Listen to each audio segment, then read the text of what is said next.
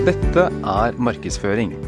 Før kjøp i fond oppfordrer vi deg til å lese nøkkelinformasjon og prospekt som er tilgjengelig på skagenfondene.no. Historisk avkastning er ingen garanti for fremtidig avkastning, og det er risiko forbundet med investering i fond.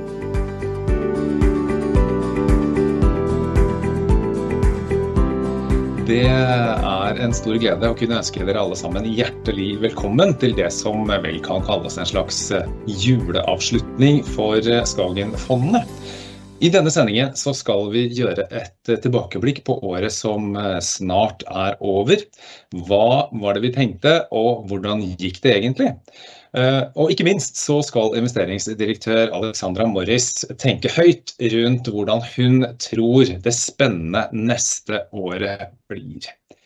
Og med det, Alexandra, så tenkte jeg å gå litt tilbake i nostalgihjørnet for et år siden. Du var egentlig ganske positiv til 2023, selv om andre var mer skeptiske. Ja, jeg var det, Ole Kristian, og først og fremst hei på dere alle sammen. Veldig hyggelig å få lov til å ta en liten prat. I starten av året var jeg faktisk ganske optimistisk.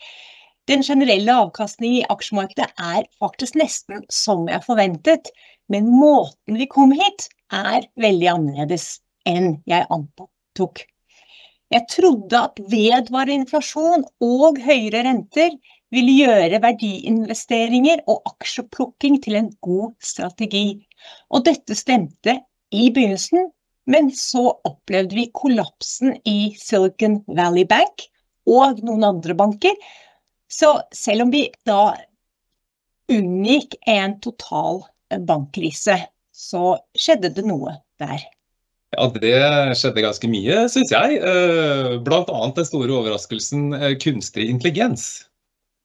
Ja, uheldigvis for min satsing på verdi fremfor vekst, så hadde jeg ikke forutsett AI eller kunstig intelligens-feberen, at den skulle dominere markedene det meste av året. Spesielt med de såkalte fantastiske syv, eller Magnificent Seven.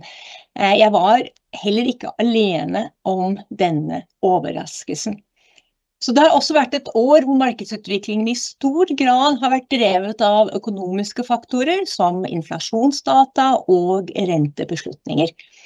Aksjeplukking har imidlertid blitt stadig viktigere gjennom året, noe jeg kan utdype når vi diskuterer fondenes avkastning mer detaljert. Samlet sett så har det vært et veldig bra år for aksjemarkedene, spesielt gitt den økonomiske situasjonen ved inngangen til 2023, som skiller seg tydelig fra det vi har vært vant til siden den globale finanskrisen, nemlig lav inflasjon og lave renter, samt den geopolitiske ustabiliteten og de konfliktene som dessverre har preget året. Ja, så er det også sånn da at avkastningen sjelden kommer i en rett linje, selv om det kanskje hadde vært deilig da. Og det gjorde den heller ikke i år. Nei, den gjør sjelden det, Ole Kristian, og heller ikke i 2023. Nesten all avkastning i år kom enten i første eller i siste kvartal. Og mer presist, tre fjerdedeler av avkastningen kom i løpet av de siste syv ukene, da verdensindeksen økte med 15% målt i dollar. Men det som er interessant er jo at de fleste risikoaktiva har prestert veldig bra, og noen markedssegmenter som tidligere var upopulære og svake, har vist en veldig, veldig sterk comeback. Kommersiell eiendom eksempel, som kontorer og kjøpesentre, har nesten økt med 30% på seks uker. Og også amerikanske regionale banker som fikk seg en støyt i starten av året, har nå i det siste steget med over 20%. Og for de som da har fulgt med på Skagenfondet en god stund, de har sikkert hørt om denne VIX-indeksen, eller frykt- og grådighetsindeksen, og den har snudd nå. Ja, den peker faktisk ikke lenger på frykt, og det er jo oppmuntrende å se at markedssentimentet nylig har blitt mer positivt, og at risikoappetitten vender tilbake. Eh, vi kan se at den siste eh, undersøkelsen fra Bank of America, en investeringsbank, viser at institusjonelle, de profesjonelle investorene, er overvektet aksjer for første gang siden april 2022. Og private investorer kjøper også flere aksjer. De, forrige uke så kjøpte de aksjer for 7 milliarder dollar, og det er det høyeste siden mars 2022.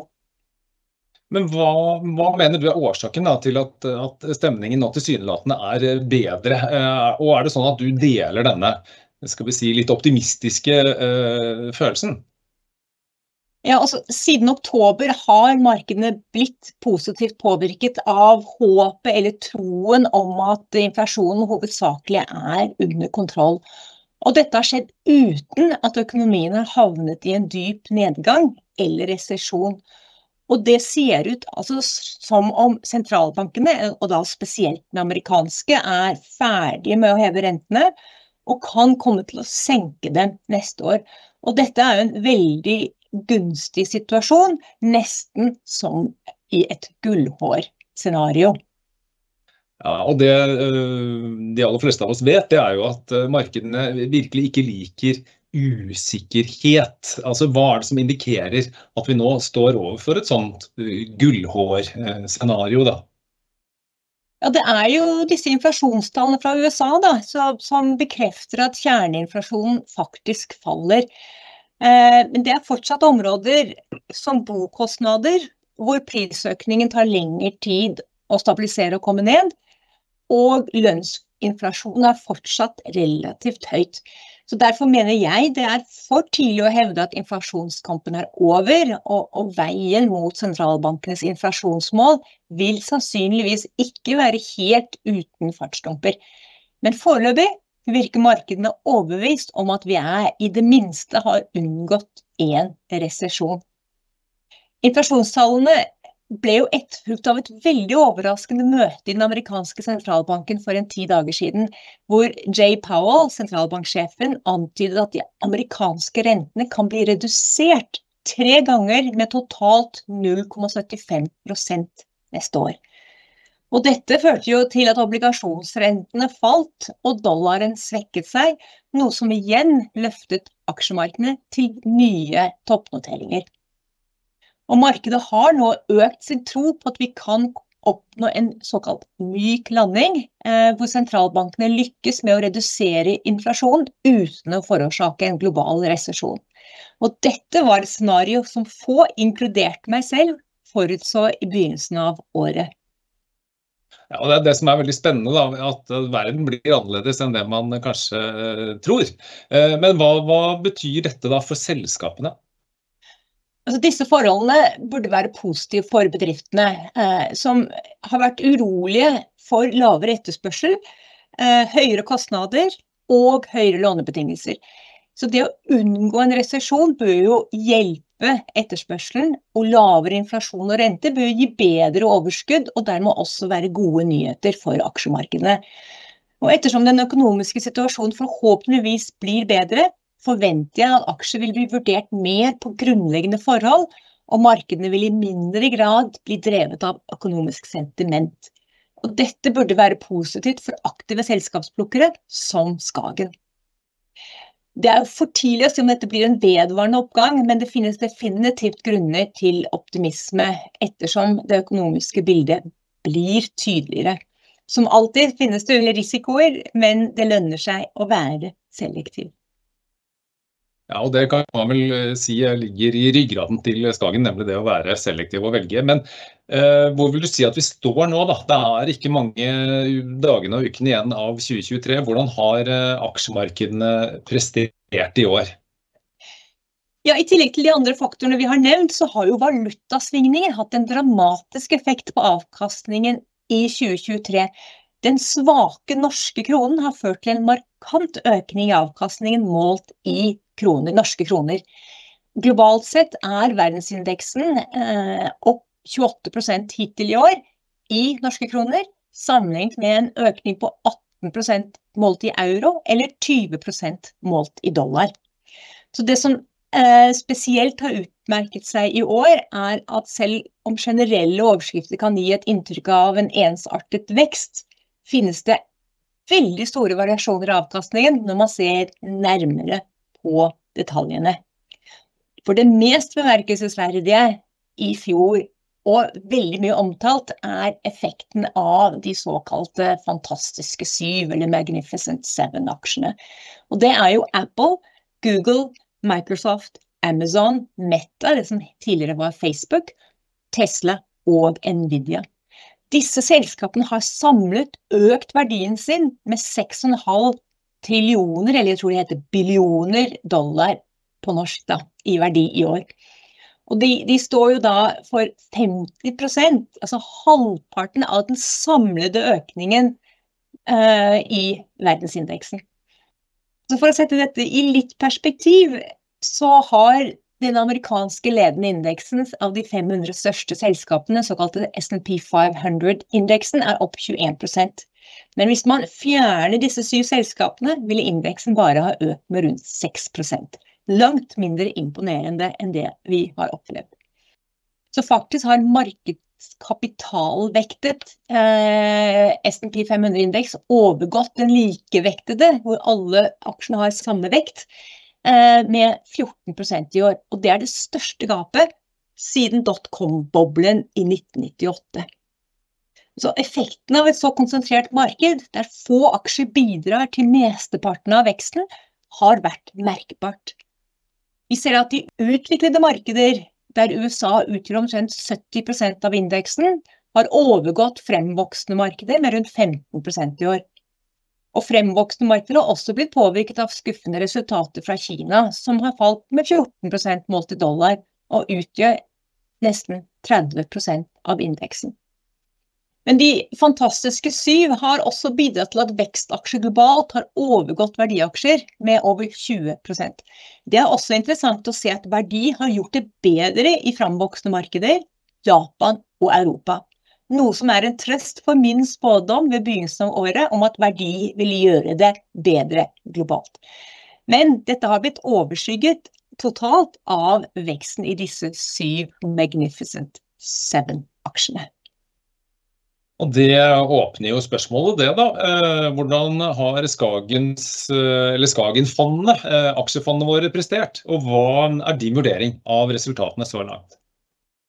Ja, alle våre fem aksjefond har jo gitt solid absolutt avkastning, både målt i kroner og i euro i år.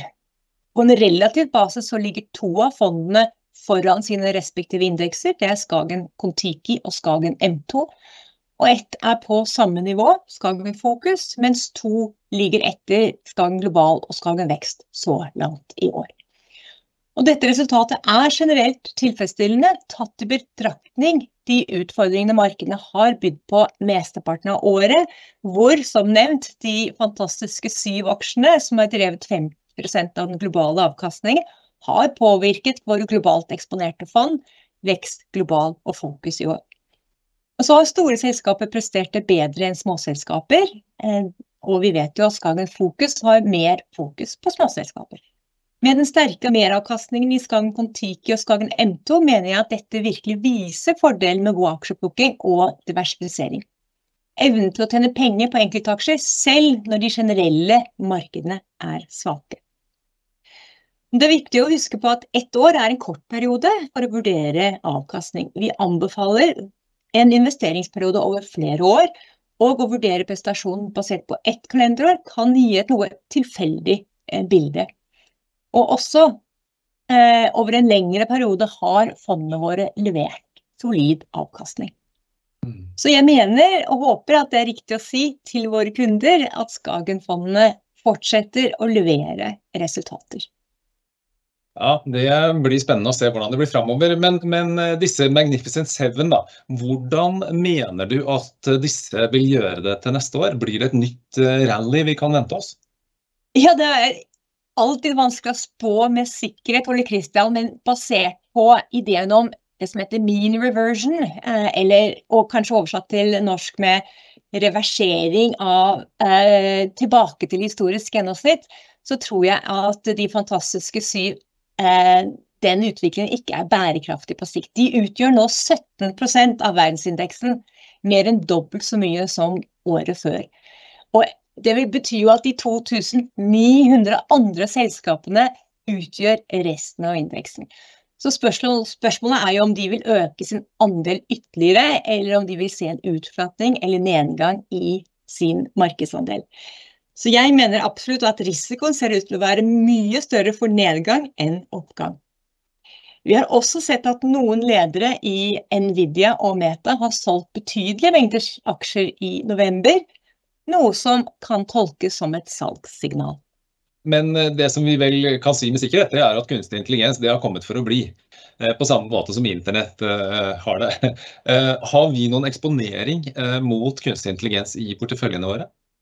Ja, det har vi så absolutt. Og, og, som du sier, kunstig intelligens er jo ikke noe nytt. Det er jo bare at den har fått en, en tilgjengelighet for allmennheten gjennom det som het ChatGPT. Men i våre eh, porteføljer har vi Microsoft og Alphabet, som har vært langsiktige investeringer for Skagen global. Og de er begge ledende innenfor eh, kunstig intelligens. Men i motsetning til noen andre så har de solide forretningsmodeller i bånn og er ikke avhengig av kunstig intelligens for ytterligere vekst. Vi mener også at det finnes andre, billigere måter å få eksponering mot kunstig intelligens, f.eks. gjennom Samsung, som er en av verdens største produsenter av halvledere, og ASML fra Holland, som har nesten monopol på såkalte fotolitografiutstyr, som er rett og slett produksjonsutstyret for å produsere halvledere. Begge disse selskapene vinner på veksten innen kunstig intelligens. Du eh, har jo nevnt eh, flere ganger at det å være selektiv, det uh, lønner seg. Hva, hva, legger du i det? Hvor, hvor, ser du og teamet de beste mulighetene, og også da de største potensielle risikoene framover? Ja, altså Før jeg svarer på dette, så må jeg understreke at som aksjeplukker med fokus på grundig analyse og konsentrerte porteføljer, kan vi alltid finne verdi. En, og som en langsiktig investor så hopper vi ikke fra den ene investeringen til den andre i troen på at vi kan greie å time markedet bedre enn andre. Så vi starter alltid med selskapene og bygger våre porteføljer fra grunnen av for å sikre robuste og diversifiserte porteføljer for alle forhold. Når det gjelder å se hvor mulighetene ligger, så er det viktig å huske på at vi har nesten 2900 aksjer da, som har stått relativt stille de siste to årene.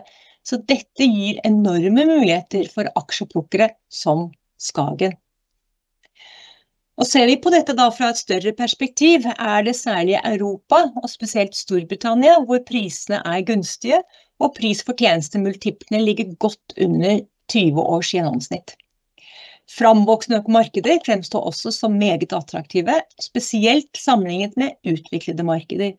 Noen land som Korea, hvor våre fond holder flere selskaper, handles langt under sin historiske gjennomsnitt, og Kina er nå på sitt billigste på fem år.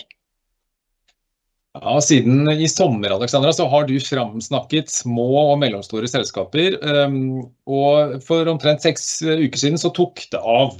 Eh, da den amerikanske Russell 2000 småselskapindeksen eh, steg med 21% Er det sånn at denne oppgangen nå er over, eller mener du at det er mer å hente for disse småselskapene? Eh, nei, dette rallyet er ikke over, etter min mening. Eh, småselskaper er et annet område hvor prisene er virkelig attraktive. For seks uker siden var de priset på 25 års eh, lav, laveste pris, eh, eller der omkring.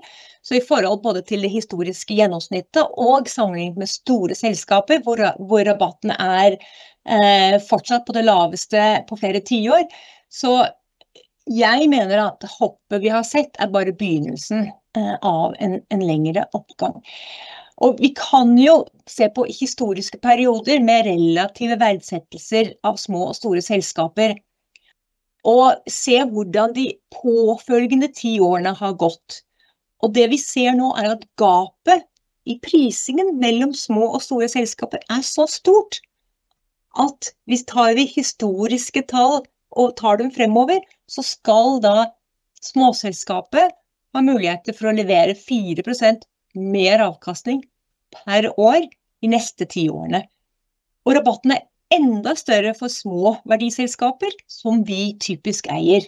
Globalt omsettes de nå til en såkalt PE, eller Price Earnings Ratio, på 12,2, eller 20 under historiske gjennomsnittsverdier. Og til en rabatt på 35% sammenlignet med store selskaper.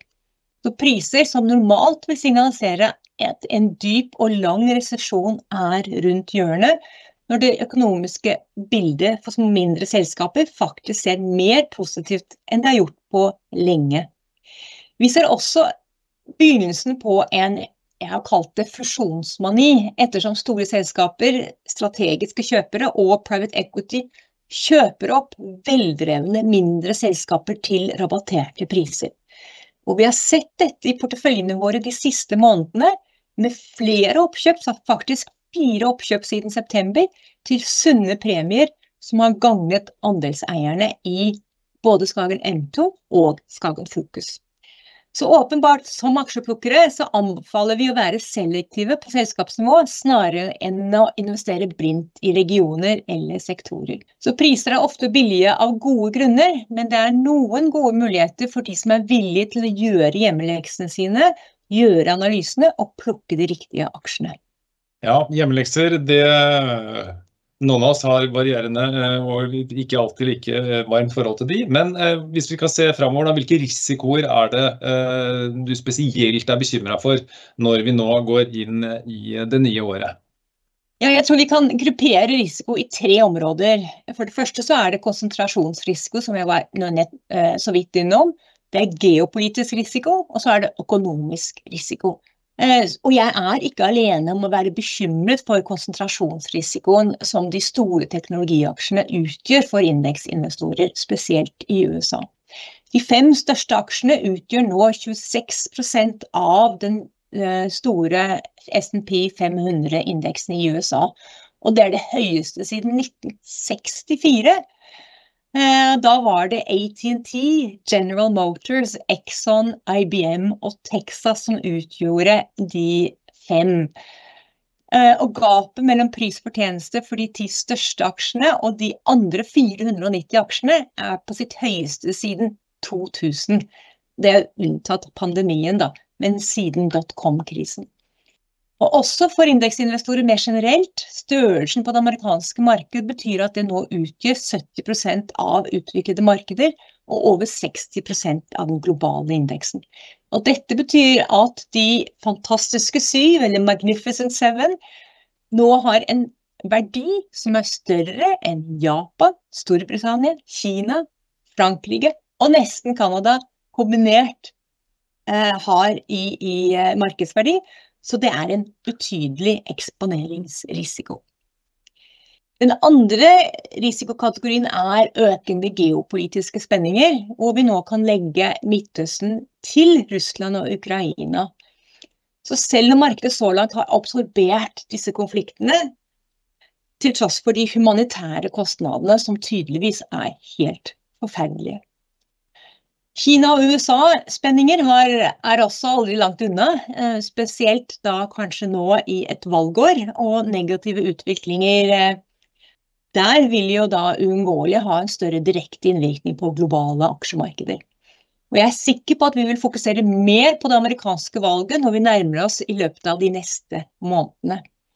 Og politiske sjokk kan også komme fra, eh, være en risiko da, fra valg eh, som er forestående i både Storbritannia og India også neste år. Den tredje og siste kategorien er jo da økonomisk eh, nedgang eller resesjon, der inflasjonen fortsatt er seig og rentene forblir høyere enn markedet forventer. Så enhver uventet økonomisk nedgang eller resesjon vil redusere inntjeningspotensialet til selskapene. Men som aksjeplukkere prøver vi å unngå å bli for fanget opp i makroprognoser og overlate det til andre. Vi foretrekker å fokusere på de tingene vi kan kontrollere. Å investere innebærer alltid risiko, og nøkkelen er å ta de riktige risikoene og sørge for at vi blir belønnet for den risken vi tar. Og vi tror virkelig bestemt på den beste sikringen er å ha en diversifisert, konsentrert portefølje. Mm. Jeg leste et sted at uh, over halvparten av jordas befolkning skal faktisk gå til valgurnene i 2024, så det er uh, mye som skjer på den politiske fronten uh, i det kommende året. Men vi hvis vi skal ta de lyserøde brillene på, da. Hva er du mest optimistisk for, og hvordan tror du 2024 vil utvikle seg? Ja, det er mange ting å være optimistisk for. Altså, markedene er på all time high disse dager. Risikoappetitten returnerer, og noe som er spesielt positivt for områder av markedet som oppfattes som risikofylte, som fremvoksende markeder, småselskaper og eiendom. Den makroøkonomiske situasjonen ser bedre ut for aksjer enn det har gjort på lenge. En myk landing virker, virker innen rekkevidde, og to, to tredjedeler av investorer ser nå dette som det mest sannsynlige scenarioet for den globale økonomien i 2024, ifølge den samme investeringsbanken Bank of America fra november. Inflasjonen ser også ut til å komme under kontroll, og forventes å falle mot det langsiktige inflasjonsmålet over de neste par årene. Så rentekutt er på horisonten for 2024, selv om jeg tror det er usannsynlig at vi vil returnere til de lave nivåene fra forrige syklus med det første. Og det mener jeg er en god ting. Så dette bør også støtte fremvoksende markeder og småselskaper. Et mer normalisert rentenivå er strukturelt mer gunstig for verdiaksjer. Og et mer velvillig makrobakteppe er også bra for aksjeplukkere. Forhåpentligvis kan vi framover snakke mer om selskapene vi har investert i, og i de fundamentale forholdene, enn økonomiske eh, nøkkeltall. Men mitt siste råd er å sitte i ro. Vi har nylig sett den kraftige effekten av noen gode dager eller noen få uker, hvilken effekt det kan ha på avkastningen, og det å holde seg diversifisert.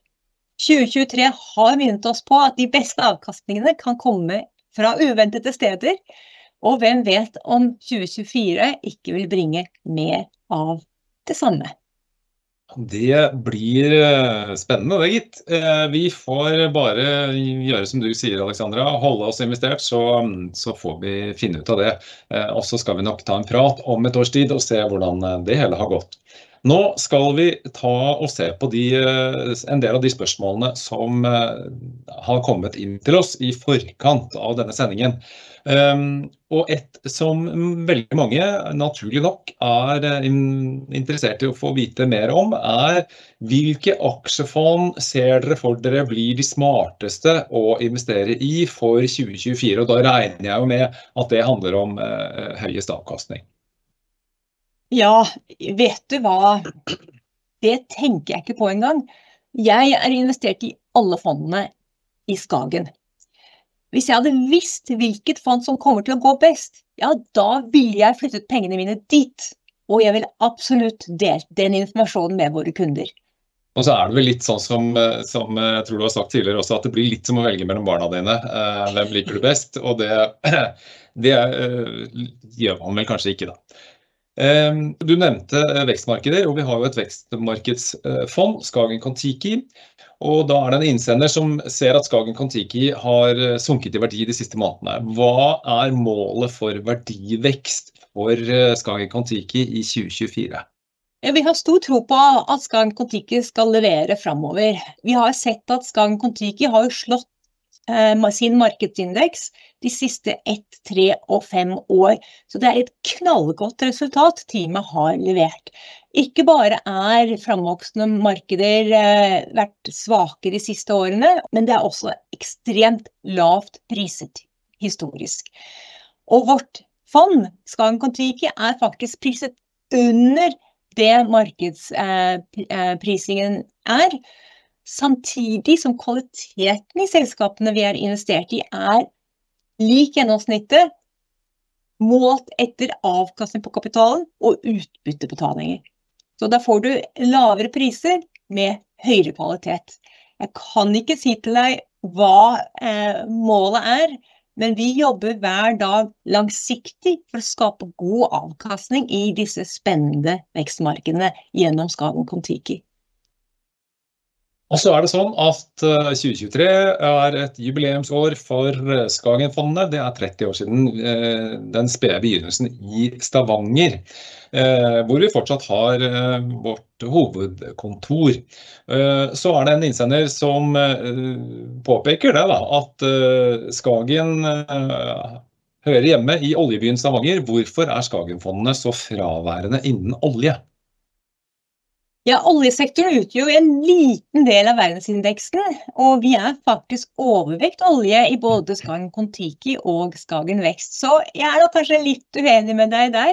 Men du tenker kanskje på at den norske børsen, som er, er veldig oljetung.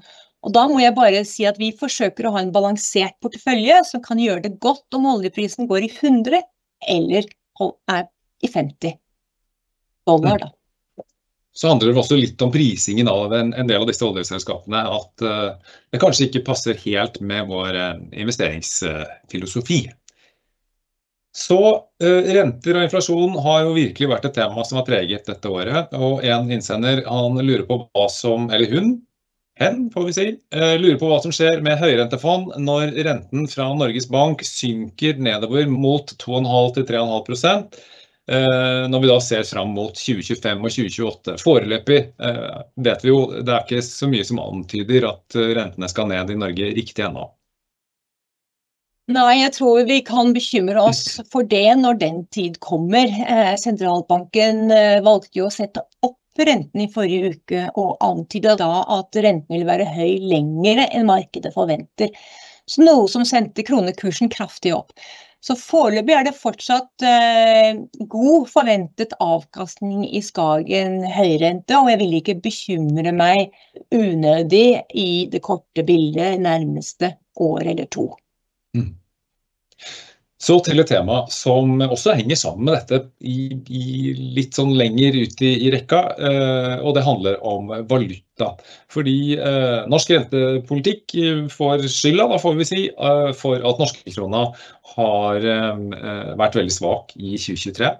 Eh, og så er det en som da lurer på hvor stor andel av avkastningen i våre fond da, i 2023 kan tilskrives svekkelsen av den norske krona. Mm. Ja, Det varierer nok eh, litt mellom fondene våre, men eh, den siste ukes bevegelse i kronen har jo redusert dette gapet. Jeg viste en graf tidligere, eller eh, jeg har jo vist disse tallene tidligere. og Forskjellen i avkastningen i verdensindeksen i euro mot NOK er på ca. 7,5 hittil i år. Forskjellen mellom 20,5% avkastning i euro og 28 i NOK. Så rundt en tredjedel av avkastningen, litt forskjellig fra fond til fond, kommer fra kronesvekkelsen i 2023. Det har også vært et tema gjennom året, eh, dette med å valutasikre sikre eh, eh, fond. Men her er det en som da lurer på om eh, ikke fondene snart burde begynne å operere med valutajustert avkastning, slik at de som sammenligner ulike fond, da, kan få en, et reelt sammenligningsgrunnlag. Ja, jeg forstår at det kan være frustrerende i et år som i år, hvor det har vært enorme valutasvingninger. Ja, helt, helt uvanlige historisk sett. Men samtidig så kan du jo sammenligne alle globale fond, f.eks. på et eller annet fondstorg. da, eh, og da viser de jo uh, epler mot epler, så begge alternativene vil jo da ha uh, valuta i seg. Eh, eller så kan du ringe til meg, og så kan jeg fortelle deg det slik jeg fortalte for, eh, nå nettopp til forrige innsender, at det utgjør ca. en tredjedel av, av fondet. Men, men, vi har aldri, er, jeg tror ikke det er noen som viser denne valutajusterte avkastningen eh, gjennom eh, aviser og, og, den type ting. Og det viktigste er jo den reelle avkastningen du faktisk får. Eh, Helt riktig, hvis, ja, ja, Absolutt. Den du sitter igjen med, det er den du lever av. det er akkurat det. det, er akkurat det. Og så bare en liten eh, hake på det. Eh, viktig å huske at alle avkastningstall som du finner på vår eh, plattform, det er etter kostnader. Sånn at det er den reelle avkastningen som du faktisk får på um, aksjesparekontoen din. Ok, Neste spørsmål. Har dere noen gode svar eller forklaringer på hvorfor både aksjemarkedene og pengemarkedene gir såpass god avkastning eh, i samme tidsrom? Ja, det er et veldig godt spørsmål. Og mange ser med undring på dette fenomenet som så å si aldri har eksistert før. Men noe av grunnen er nok det at sentralbankene foreløpig har greid å styre unna resesjon med lav økonomisk aktivitet og sterk tiltakende arbeidsløshet. For har du en sånn situasjon, så vil jo da eh, vanligvis en resesjon eller en sånn avtagning i aktiviteten vil eh, være følgende av den sterke økningen i rentenivået. Men det har altså uteblitt denne omgang, og aksjemarkedene har holdt seg eh, bra. Og det må vi vel være glad for, synes jeg. Ehm, det eh, var det vi rakk i denne omgang. Men jeg har en liten påminnelse til dere som liker eh, podkaster. Vi har en egen eh, podkastserie med markedsoppdateringer fra Skagenfondet. Og der får du både porteføljeforvalternes eh, egne tanker om fondenes prestasjoner, og også om eh, deres vurdering av utsiktene fremover. Så hvis du er interessert i det, så anbefaler jeg å abonnere på markedsutsikter fra Skagen-fondene. Og du finner de der hvor du vanligvis eh, hører på podkaster. Jeg skal si tusen takk til Alexandra Morris for både innsikt og utsikter. Og husk at dersom dere lurer på noe som helst rundt fondssparing, så ta kontakt med en av våre flinke rådgivere. De er parat til å hjelpe så godt de bare kan. Og med det så ønsker jeg alle en riktig god jul og et godt nytt fondsår.